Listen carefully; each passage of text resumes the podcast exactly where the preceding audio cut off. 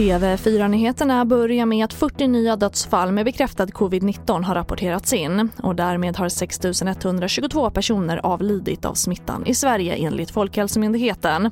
Och på dagens presskonferens fick Dalarna, Gotland, Värmlands och Västmanlands län skärpta allmänna råd för att på så sätt minska smittspridningen av corona. Och beslutet gäller i fyra veckor men kan förlängas. Och Region Skåne inför som en av de första i landet ett snabbtest för covid-19. Testet ger resultat på eventuell covid-smitta inom en kvart och ska kunna användas inom sjukvården. 200 000 tester har köpts in och tanken är att snabbtesten ska komplettera andra testmetoder. Och nu riktas ny kritik mot företaget Tunstalls trygghetslarm efter att en person i Trollhättan blev liggande död i tre månader på grund av bristande kontroller.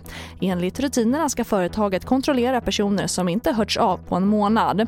Och vi har tidigare rapporterat om en kvinna i Luleå som avled efter att hon larmat förgäves och att över 30 kommuner planerar att kräva Tunstall på ersättning för larmhaveriet.